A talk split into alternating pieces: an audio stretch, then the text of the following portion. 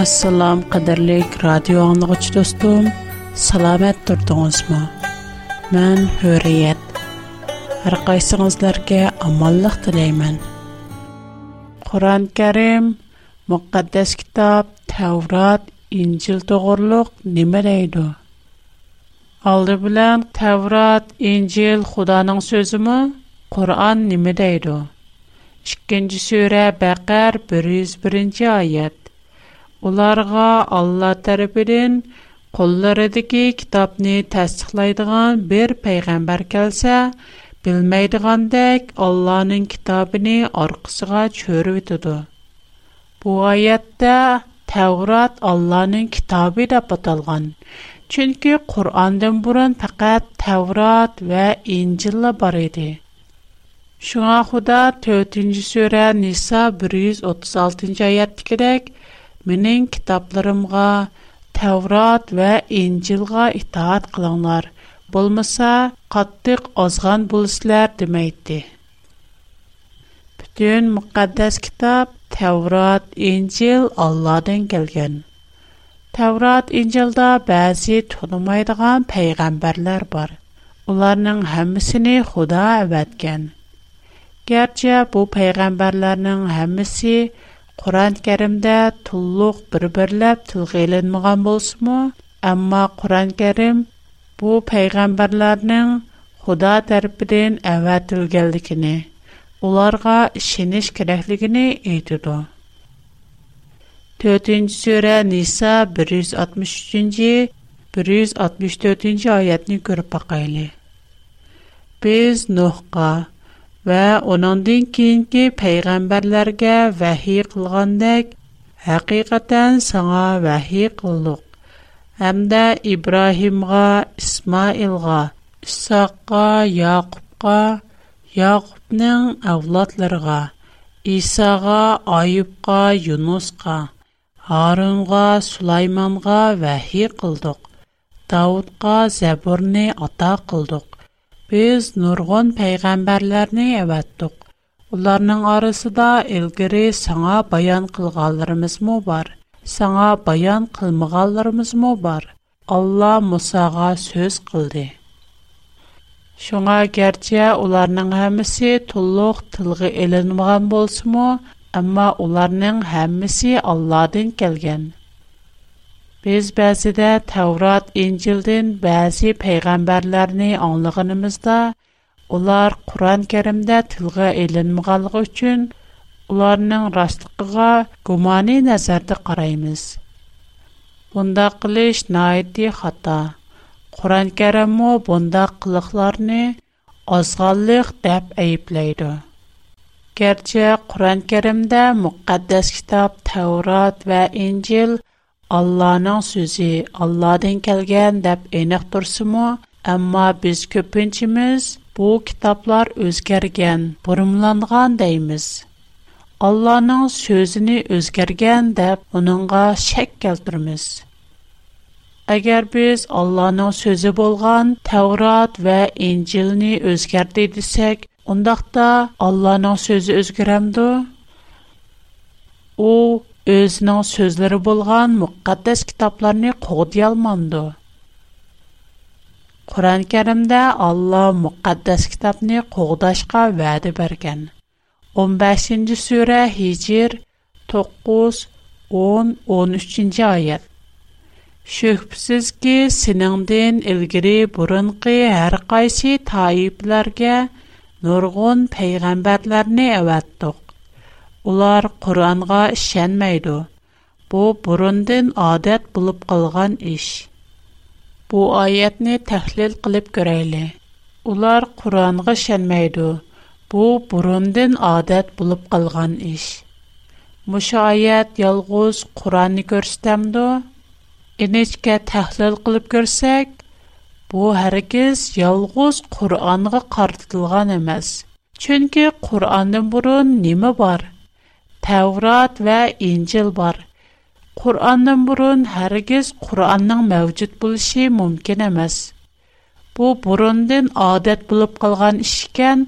Ондакта кишиләр илгиримо Тәврат ва Инҗилга шәк келтергән. һәм уныңга ишенмәгән. Хәзерге дәвримездәме охшаш. Мошу аят безнең бүгенге дәвримезгә мас келди.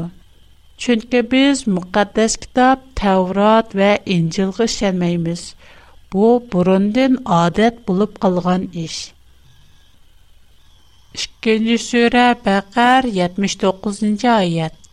Китапны өз қоллары белән язып, уни аз пулга сетиш өчен бу Алла тарафыдан назил булган дигичләргә вай. Кулы белән язганлары өчен уларга вай. erişkən nərslər üçün onlarga vay. Bu ayət müqəddəs kitab Tevrat və İncilin özgərgənligini deməkmi? Yox, onda qəməz. Bu ayətnin iki xil mənisi var. Birinci, Moşa ayətdə Xuda özünün müqəddəs kitab Tevrat və İncilni qoğdaydıqalıqqa vədə bərgən. Əgər bir adam Allah'ın vədisini özgərtsə ya ki özgərtişkə orunsa, Allah'ın lənətini aldı. Şuna Xuda Moşa ayət arqılıq özəmnin kitabını qoğdaymən deydi. Ikkinchisi mushoyatdin Muhammadning vaqtida haqiqiy nusxa bor. U to'g'ri va rost o'zgarmagan. agar muhammadning vaqtida haqiqiy rost to'g'ri tavrat va injil bo'lmasa nimani o'zgartirishga urindi nimani o'zgartirishga bo'lmaydi. Bu oyat yuzaki olda oyat o'zgargan deyotganday qilsimu ammo bu oyat yanala shu chog'diki ya'ni yahudilarning qo'lidagi tavrat va injilning həqiqi toğra ikənligini işarət qıldı.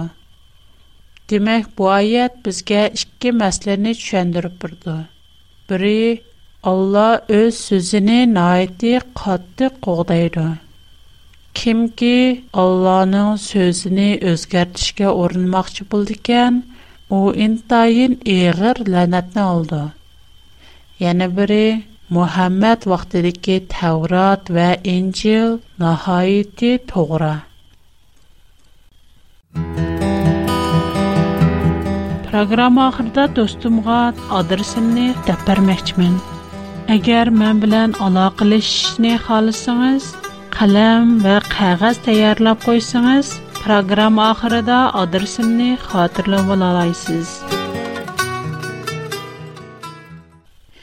Бүтән мөхәддәс китап Аллаһның китабы. Qur'on Karimdə Tavrat, İncil özgərməyən. 2-ci surə Bəqər 40-41-ci ayət. Ey İsrail avladı, mənim sizlərə bərgən nemətімni yad etіңlər. Маңа бәргән вәдәңләргә вапа кылыңлар. Мен мо сезләргә кылган вәдәмгә вапа кылымын. Мәндәлла куркыңлар. Мен назил кылган Тавратны тәсдиқ кылгычы Кур'анга иман келтириңлар. Кур'анны беренче булып инкар кылгычы булмаңлар. Аятларымны әрзан баһада сетветмәңлар. Маңа тәкъвадарлык кылыңлар. Уларның кулыда, яни Яһудларның кулыда ниме бар? Таврат бар.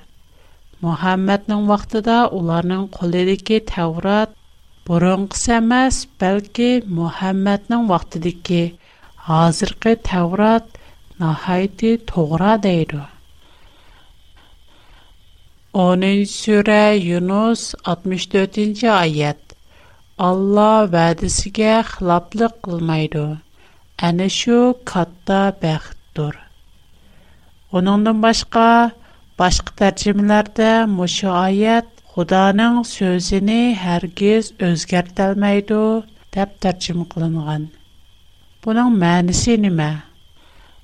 Mənisi, hətta Xudamu öz sözünü özgərtəlməydi. Bulubmu Uyğurç tərcüməsi şundaq deydi. Allah özünün vədisiga xilaplıq qılmaydı, həm qılalmaydı. Çünki Allah naidi rastçıl u bir ishni qilishga va'da qilgan ekan cho'qim shundoq bo'ldi. Qur'on muqaddas kitob tavrat va injilning o'rnini olamdi. qirq birinchi sura fuslat qirq uchinchi oyatni ko'rib boqayli sanga aytildigan so'zlar faqat ilgirki payg'ambarlarga aytilgan so'zlardir. Bu oyatning ma'nisi Faqat башка payg'ambarlar tilga ilinmagan bo'libla калмай, яна Muhammadga aytilgan so'zlarning hammasi башка payg'ambarlarga, уныңдан burun үткән payg'ambarlarga aytilgan сүзләрдән iborat. Чөнки Худа инсанларга охшаш, өзенең сөзене унтып калдыган, унтыгак эмас. Өз вәдисигә вафа кылмайдыган ялганчы эмас. Xudoning so'zining o'zgarishi mumkin emas. Shundaqla Xudo o'zining so'zini o'zgartirmaydi. Shundaqda nima uchun Qur'on maydonga kelgan? 6-sura An'am 154-oyatdan 156-oyatgacha. Sizlarning faqat bizdan ilgirki ikki toifig'ala kitob nozil qilingan. ularning o'qigan kitoblaridan bizning zodila xabarimiz yo'q demasliklar uchundir 32-ci surə Səcdə 3-cü ayət. Səndən ilgiri heç qandaq bir peyğəmbər gəlməyən bir qəvmni hidayət tapsın deyə ularni ağaqlandırışın üçün Pərverdigarın tərəfindən gələn həqiqətdir. Yuqorda bir neçə ayətni görüb ötdük. Aşu ayətlər buyincə Quranni əvətiş səbəb nimə? Kitaplarni əməldən qaldırışmı? Yoq. Birinci səbəb Quran, ilgirki kitab Tevrat və İncilnin toğruluğuna guvahlıq biriş, həm onu təsdiqlaş. Şundaqla kişilərni müqəddəs kitab Tevrat, İncil'a işinişke, шу буенча эш күрешкә ündeş.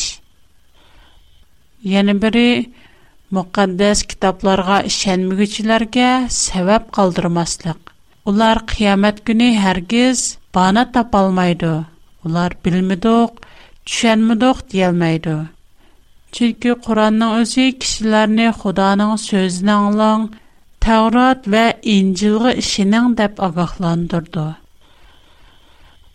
Qur'on o'zi to'g'risida nima deydi? Boya deb o'tganimizdek, burun ko'rib o'tgan oyatdagidek, Qur'on o'zini ogohlantirg'uchi, tasdiq qilg'uchi, Tavrat va Injilga guvohlik berguchi, ularning to'g'riliqini bayon qilg'uchi deydi. Ba'zilar Muhammad hammadan ulug', hammadan ustun deb o'ylaydi.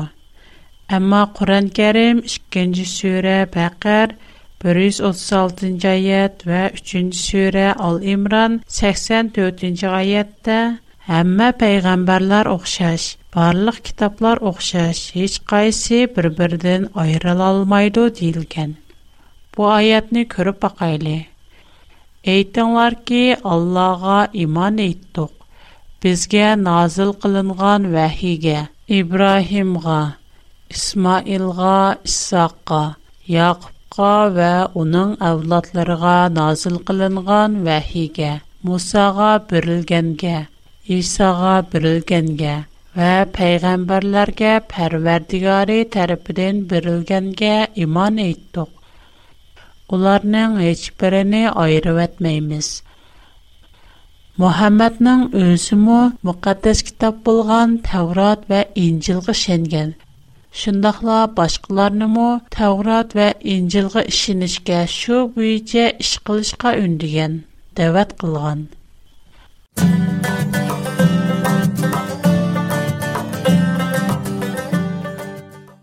Ba'zilar Xudoning kitobi to'g'ri, ham ishonimiz, biroq u bizning qo'llanma emas, u bizning yetakchi emas, ijro qilmayman deydi.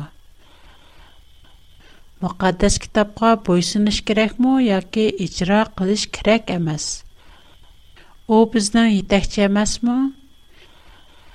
2-ci surə Bəqər 53-cü ayət. Öz vaxtında sizlərni hidayət tapsın deyə Musağa haqqni batıldan ayırğıcı kitabni verdik. Muşa ayətdə Təvrat kişilərinin yetəkçisi, yaxşı bilən yamanni ayırğıcı, insanların yol göstərgücüsü deyilgan. Çünki Təvratның özü toğra xatani ayrıydı həm onunğa eniq hökm çıxırdı. Təvratның hökmü hüquqluq. 3-cü surə Al-İmran 3-cü 4-cü ayət.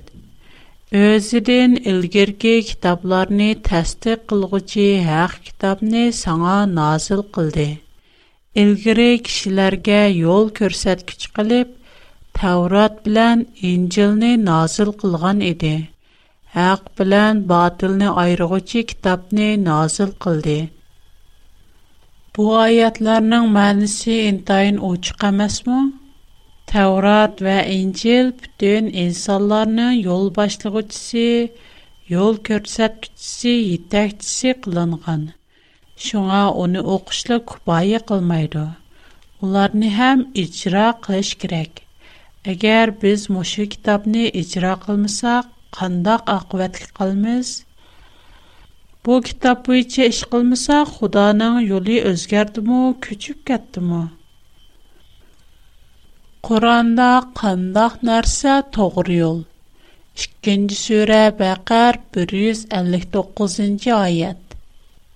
Bu kitobda kishilarga to'g'ri yo'lni aniq bayon qilganimizdan keyin biz nozil qilgan ro'shan dalillarni va to'g'ri yo'lni yushirdiganlarga Alloh la'nat qildi. La'nat qilg'uchilarmi ularga la'nat qildi. Қайсы китапта кишләргә to'g'ri юл aniq баян кылынган? Әлбәттә, Таурат va Инҗилдә кишләргә to'g'ri юл баян кылынган. Xudoning ishorati va vahisi уларның qo'lida бар, ya'ni яһудларның qo'lida бар. Bo'lmasa улар nimani yushirdi? Hech nimani yushira olmaydi. Әгәр uningga bo'ysunmasak, nag bormiz? Xuda bizə müqəddəs kitab, Tevrat və İncilni icra qılmaslıqni hərgiz demedi. 2-ci surə Bəqər 87-ci ayət. Şək şübhəsiz ki, biz Musağa kitab bərdik. Onundan keyin arqa-marqa peyğəmbərlər əvətdik. Məryəm oğlu İsa'ğa möcüzələr bərdik. Həm də onu Ruhul Qudus bilən yoluduq. Hər qaçan birər peyğəmbər köңlünlərə yaxmaydıgan bir нәрсә elib gəlsə, təkəbbürlük qılıveramsızlar. bir qism payg'ambarlarni inkor qildinglar, yana bir qism payg'ambarlarni o'ldirdinglar. Bu oyatdan Xudoning g'azibi aniq chiqib turdi. Xudo kitobni inkor qilganlarga noiti qattiq xafa bo'ldi. Chunki Xudoning so'zini ijro qilmaganlar bor. Biror payg'ambar o'lib ketishi bilan uning so'zini ijro qilmaslik kerakmi?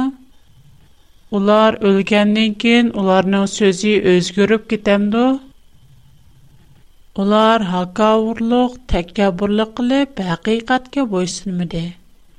shunga xudo qattiq xafa bo'ldi Әгәр безмо тәкәббурлык кылып, Худаның сөзиге буйсынмасак, сөзене иҗра кылмасак, безнең акыбетimiz нимә? Мошу сүредәге бу гәпләр фақат яһудлар өченме? Bu ayətlər bizə mə qartılğan emasmı? Xuda həqiqət əvətkəndə Xudanın arzusu nədir? Худа чукым инсанларның оның сөзіне аңлышыны, бойсынышыны һәм шу буйча иҗра кылышны арзу кылды. Худа Кур'анда муқаддас китап Tavrat, İncilni oxuş kerakmi, emasmi? Bu to'g'riliq nima deydi? 2-ci surə Bəqər 78-ci ayət. Ularning savadsizlari kitobni o'qimaydi. O'ydirmini la bildi. gumon bilanla ish qildi. Demak, bu oyatning ma'nosi Xudoning so'zini faraz qilishga bo'lmaydi. Shak keltirishga texmo bo'lmaydi. Shunga Xudo ularni ayblab, ular gumonxo'rlar, savodsizlar deydi. Xudo bizning muqaddas kitob, Tavrat, Injilni o'qishimizni orzu qiladi. Shundoq albatta Xudo bizning ularni o'qishimizni ham yaxshi bilishimizni, tushunishimizni xohlaydi. 3-sura Al-Imron 65-oyat. Ey ahli kitob, nima uchun Ibrohim to'g'risida munoziralashsizlar?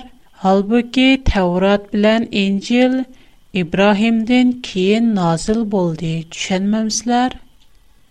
Demək şu çağda müqəddəs kitab Tavrat, İncil Yahudilərinin qolunda bolsunmu, amma bəzi Yahudilar kitabni yaxşı oxumağan yoki düşənməyən. Şuna Xuda ularni ayıplagan. Yana şu surə 79-cı ئاللا بىرەر ئىنسانغا كىتابنى، ھېكمەتنى، پەيغەمبەرلىكنى بەرگەندىن كېيىن، ئۇنىڭ كىشىلەرگە ئاللانى قويۇپ ماڭا بەندە بولۇڭلار دېيىشى لايىق بولمايدۇ. ۋەلىكىن kitobni ئۆگەتكەنلىكىڭلار، ئوقۇغانلىقىڭلار ئۈچۈن رەببانى بولۇڭلار. شۇڭا خۇدا kitobni ئوقۇغان ھەم چۈشەنگەنلەرنى بىلىملىك دەپ ماختايدۇ. قانداق odamlar muqaddas kitob Tavrot va Injilni o'qiydi? 4-sura Nisa 162-oyat. Ularning ichidagi bilimi cho'nqur bo'lganlarga, sanga nozil qilingan kitobqa Сәндин илгири назил кылынган китапларга иман әйтидиган мөминләргә, Аллага ва ахирет күнегә иман әйткүчләргә катта аҗр кылабыз. Бу аятларда бәк билимлек адам мукаддас китап, Таврот ва Инҗилне укыйды. Бу китапларны укыган кишләр билимлек. Allah bizning muqaddas kitob Tavrat va Injilga ishonishimizni umid qilamdi. 57-sura Hadid 19-oyat va 10-sura Yunus 95-oyat. Allohga va uning payg'ambarlariga iymon etganlar ana shular Parvardigoringning dargohida sidiqlardir. Bizning oyatlarimizni inkor qilganlar va yolg'onga chiqarganlar ana shular ahli do'zaxdir. Sen hargiz Allohning oyatlarini inkor qilguvchilardan bo'lmagan, ziyon tortquchilardan bo'lib qolsan. Bu oyatlarning ma'nosi Alloh bizning butun muqaddas kitob, Tavrat va Injilga ishonishimizni umid qildi. Agar biz İncil və Tevratni inkar qılsaq, çoxum ziyan tartquchi. Bundaqda Allah bizning bütün müqəddəs kitab Tevrat və İncilni qəbul qilishimizni arzu qilamdı yoki bir qismini? 3-cü surə Al-İmran 184-cü ayət. Ular seni yalğanğa çıxarğan bolsa, səndən ilgiri ötən möcüzələri, kitablarını və nurluq kitabni elib gələn nurgun peyğəmbərlərmü yalğanğa çıxırılğan idi. Bu yerdə deyilətqan nurluq kitab dəl Xudanın sözü bolğan Tevrat və İncildir. Tevrat və İncil nurluq kitab. Onunda nur və hidayət var. 2-ci surə Bəqər 85-нче аят. Sizlər kitabның бер qism əhkamlarına şinib, бер qism əhkamlarını инкар qılamsızlar. Sizlərdən şundaq кылганларның cəzası фақат hayati dünyada харлыкка qilish, qiyamət günü qattiq azabqa duçar buluşdur. Алла qılmışınlardan qapil emasdır. Mana бу Таурат və İncilnin бер кысым әхкамларын инкар кылганларның aqıbəti. Әгәр без faqat özümüzə yaqqan бер кысым ayətlərini qəbul qılıb, özümüzə yaxmaydigan, безнең xiyalımızga münasib kelmaydigan köplügən ayətlərini инкар qılsaq, безнең aqibətimiz nəhayət яман. Qur'on muqaddas kitob Tavrat, İncilni tasdiqlaydi, Lekin təkrar qilmaydi, inkar qilmaydi. Yana Qur'on muqaddas kitob Tavrat, İncilni qo'g'daydi. Biz bu vaqtdagi bir neçə oyatni görüb baxaylı. 2-ci surə Bəqər 41-48-ci ayət. Biz həqiqətən Tavratni nazil qıldıq. Təvratda hidayət və nur var. Biz sana özüdən ilgirki kitablarını itiraf qılğıcı və onlarga şahid bolğıcı haq kitabni nazil qıldıq. 10-cu surə Yunus 37-ci ayət. Lekin Qur'on ilgiri kelgan kitoblarni tasdiq qilg'uchidir. Alloh belgilagan ahkomlarni bayon qilg'uchidir. Мошының оқшаш көплеген аятлар Qur'onning aslida Tavrat va Injilni tasdiqlash, guvohchi bo'lish, uningga shohidlik berish hamda uni qo'g'dash uchun kelganligini aytgan. Oxirda biz Qur'ondagi intayin muhim bo'lgan mono ikki oyatni ko'rib o'taylik. 10-sura Yunus 94-oyat. Мубада сән саңа biz назил qilgan kitobdan shaklanadigan bo'lsang, сәндән ilgari kitob o'qiganlardan so'rab baqqin. 13-ci surə Rəid 43-cü ayət. Məkkə küffarları sən peyğəmbər əməssən deydi. Aytqın ki, rastlığımğa sizlər bilən mənim oturamda Allah'ın guvahlıqı ve Allah'ın kitabını bildiğanlarının guvahlıqı yeterlikdir. Muşu ayet boyunca Kur'an'ın toğurluğuna fakat Tevrat ve İncil'ni bilgenlerle guvahlık bireleydi. Eğer İncil'ni, Tevrat'ni okumganlar, Kur'an'ni toğra deb hüküm çıkaralmaydı. Yana Muhammed'ge guvahlık bergüçüler Алды aldı bilan çoqum Tavrat və İncilni öyrəniş kerak. Bolmasa onların guvahlığı əhmiyyətsiz, həm guvahlıq birəlməydi. Çünki onlar Xudanın sözünü bilməydi. Quran boyunca kim Muhammədni itiraf qılmasa cənnətə girə bilməydi. Əgər kimki Muhammədni itiraf qılsa, çoxum Tevrat və İncilni biliş kerak. Tevrat və İncil Qur'on va Muhammad ustidan hukm chiqibdi. Bugungi programmamiz mush yerda oyoqlashdi. Mening tor adresim hurriyet@bigfoot.com. Mening xat adresim a w r p o box 310 Hong Kong. Mening hazırcha xato darsim Şangan Yujin Zongju Xishan 310-numur. Xo'sh, Xudoga amonat. Xushvaqt bo'linglar.